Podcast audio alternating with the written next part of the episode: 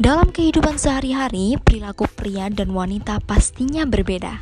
Hal tersebut bisa ditinjau dari berbagai aspek yang melatar belakanginya, mulai dari aspek psikologi, aspek biologi, serta aspek sosiologi. Oleh karenanya, jika teman-teman penasaran dengan materi tersebut, yuk segera join di kelas pernikahan Nikah Institute. Stay tune terus!